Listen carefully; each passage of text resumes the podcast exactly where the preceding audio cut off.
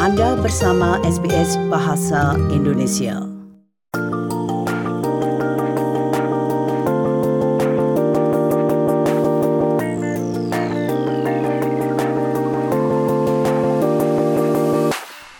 Memiliki pemahaman dan kemampuan dalam berbahasa Inggris dapat membantu Anda menjalani kehidupan di Australia dengan lebih baik. Dalam setiap episodenya, program ini akan menjelaskan tentang istilah atau ungkapan yang dipakai di Australia. Anda akan dapat meningkatkan keterampilan bahasa Inggris dan belajar lebih banyak tentang Australia dengan cara yang menyenangkan. Anda siap?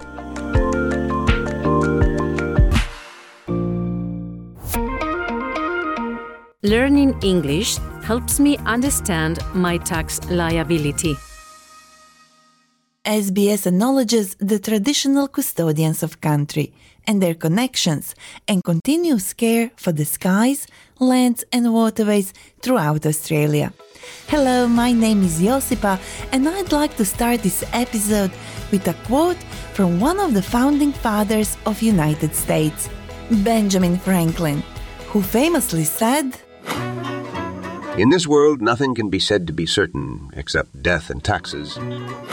Even though it is over 200 years old, this quote is still accurate and very relevant today. Just as we know that everyone will die someday, we also know that we can't avoid paying taxes. They are our responsibility and they are important to pay for public services and supporting our social and government systems. So now the tax season is here and we can't avoid it. In this episode, we'll practice some essential phrases that will help us talk about tax returns. What? You know what I'm talking about, right? Tax returns are the official forms and documents that individuals and businesses send, or we could say submit, to the government to report how much money they have earned over the past year and other financial information.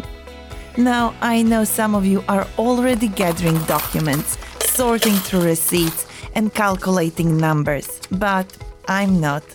When it comes to lodging my tax returns, I don't know where to start. By the way, to lodge your tax returns is to submit or file. That means to send in your completed tax return forms to the Australian Taxation Office, or ATO for short.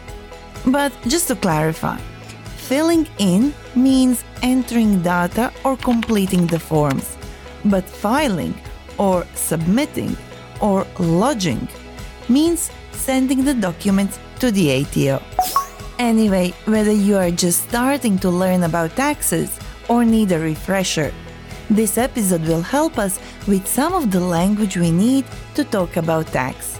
So sit back and relax because Alan and Claire are here to help us learn.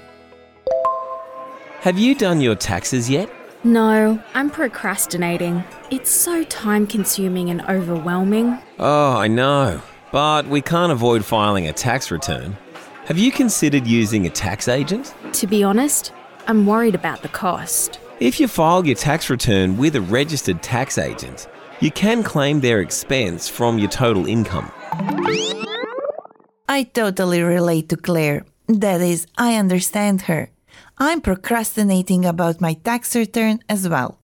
If you're procrastinating about doing something, it means you're delaying doing it. When you procrastinate, you usually choose to do something else that is more enjoyable or easier to do, rather than working on what you should do.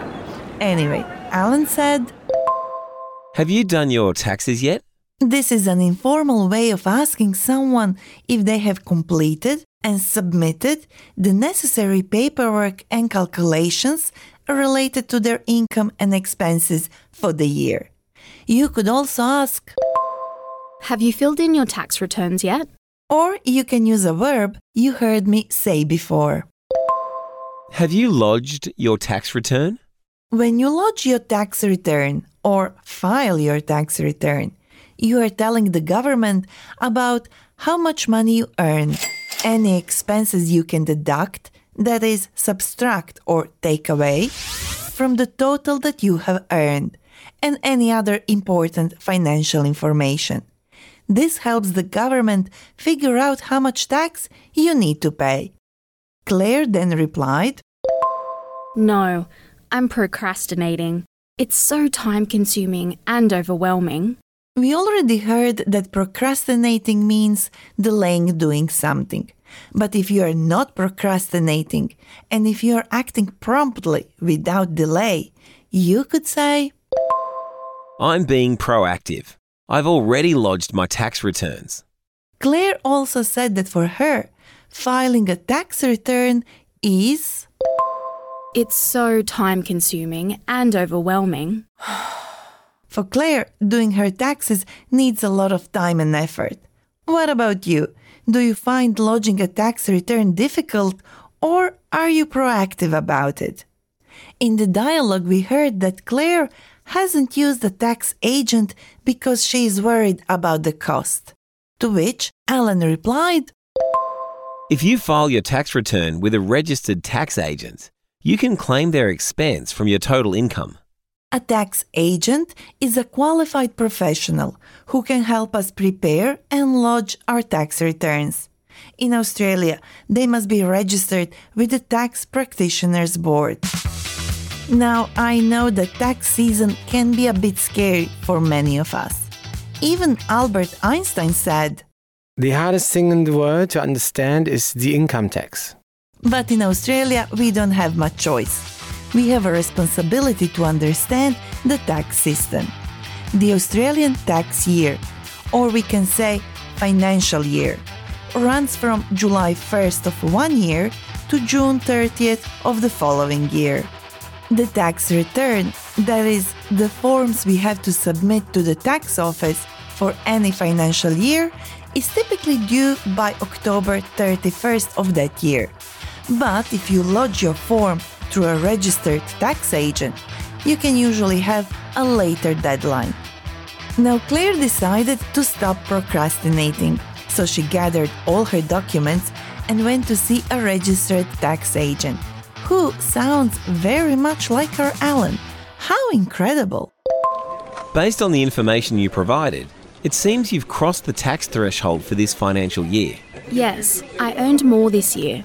What does that mean for my taxes? Crossing the tax threshold means you'll enter a specific tax bracket. In your case, your income places you in the 32.5% tax bracket. So I'll have to pay 32.5% of my income in taxes? Not exactly. The way taxes work is called progressive taxation. It means that as you earn more money, different parts of your income are taxed at different rates.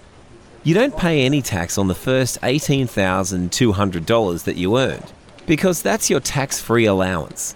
The next part of your income is taxed at 32.5%, but as you earn more, higher rates apply to the rest of your income.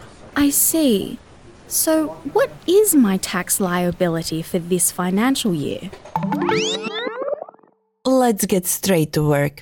Alan said, It seems you've crossed the tax free threshold for this financial year. The tax free threshold is the amount of money you can earn before you must start paying income tax. It's like a minimum income limit. You don't have to pay taxes on the money you earn up to that point. At the time of publishing this episode, in Australia, the tax free threshold is $18,200. If you earn less than the tax free threshold, you don't need to pay any taxes. But if you earn more, like Claire, then you are crossing the tax free threshold and you'll need to start paying taxes. Let's hear how Alan explained it. Crossing the tax threshold means you'll enter a specific tax bracket.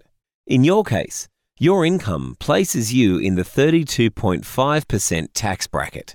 A tax bracket is a range of income that determines how much tax you must pay.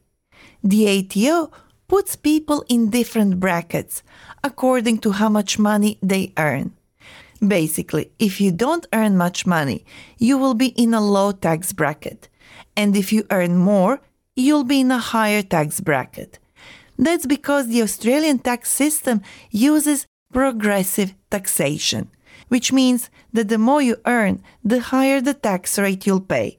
But if, like me, you're still struggling to make this calculation, then you can ask your tax agent. What is my tax liability for this financial year? Liability means a debt or something you owe. So, a tax liability means the amount of tax you owe to the government. The opposite of liability is an asset. There's a tax on hats, a tax on boots, a tax on women's clothes, a tax on all the little things that only a married man knows, a tax on pictures, tax on punters when they back a winner. What did you think of this song? Did it make you smile? This song, Banish the Budget Blues, was written during a tough economic time in Australia and the world, the Great Depression in the 1930s. It was supposed to make people feel better during a difficult time. But you're absolutely right. Singing won't directly affect how much we pay in taxes. But there is something else that can actually help us reduce our tax bill. It's called a tax deduction. Basically, a tax deduction is an expense that we can subtract from our total income, which means we end up paying taxes on a lower amount. Our guest today is Haig Garabedian, who has years of experience helping individuals navigate the complex world of tax returns. Haig, thank you for joining us. Thank you for having me in your program today. Haig, what are some common types of tax deductions that people can claim? Uh, there are lots of uh, tax uh, deductions or expenses that people can claim. The principle is that it has to be linked to your work. So the uh, the most common one is like, for example, if you travel using your car or public public transport from work to visit clients for work purposes. This can be claimed against your income. And if you work from home, you can deduct some of the expenses like electricity and internet uh, bills. Also, expenses for professional development courses and self education, such as course fees or textbooks that are directly related to your work or career, as well as union fees, may also be eligible for deduction. Are there any expenses that are not work related that we can claim? Yes, if you make donation to registered charities, you can claim those as deductions. Also, the contributions which are personal after you're paying your tax that you make to your superannuation funds. That is your special retirement saving accounts can be claimed as deductions too. And anything else we need to keep in mind? When it comes to deduction remember that each deduction has its own set of rules so if it is so it's important to have receipts as proof for the expense you're claiming. When we file our taxes it is crucial to be honest and accurate. We should only claim expenses that we have truly made and that are eligible, that is, are allowed by the rules. If you're not sure about anything, it's always a good idea to check out the guidelines provided by the ATO or have a chat with your tax professional, tax agent. Hi, thank you so much for sharing your knowledge with us today. It's my pleasure, Josipa. And before I go, I'd like to share the importance of us paying taxes because the government uses this money on welfare, health, defense, education, and all what makes our life what it is now. Just like we pay a price for everything else we buy, we also pay taxes. It is the way we contribute to the well being of our community and ensure that everyone has access to essential services and a better quality of life. I completely agree. I like to think of taxes as not just an expense, but rather an investment in general well being of our society.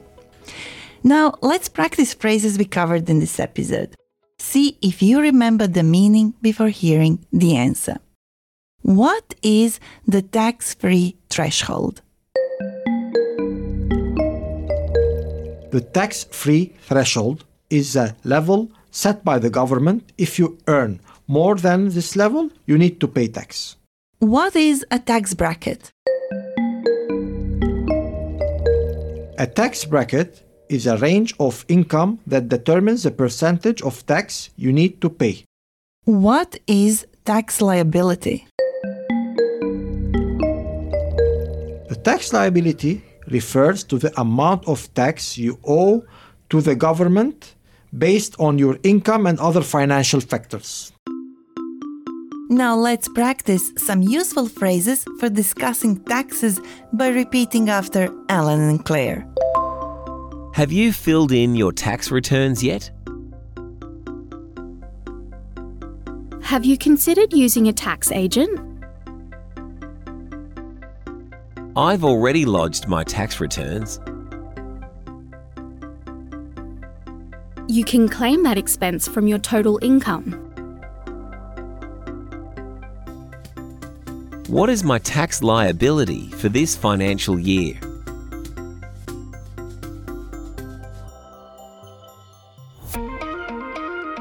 That's all we have for this episode, in which we did not give you any tax or financial advice. For that, you need to see a professional, an accountant, or a tax agent. This episode was about language, but you can still let us know if you have filed your tax return yet. Did you do it yourself? Or, like me, you are considering lodging your taxes with the help of a tax agent. You can find us on Facebook. We are SBS Learn English. I'm Josipa. Thank you for learning English with me. You've been listening to SBS Learn English podcast.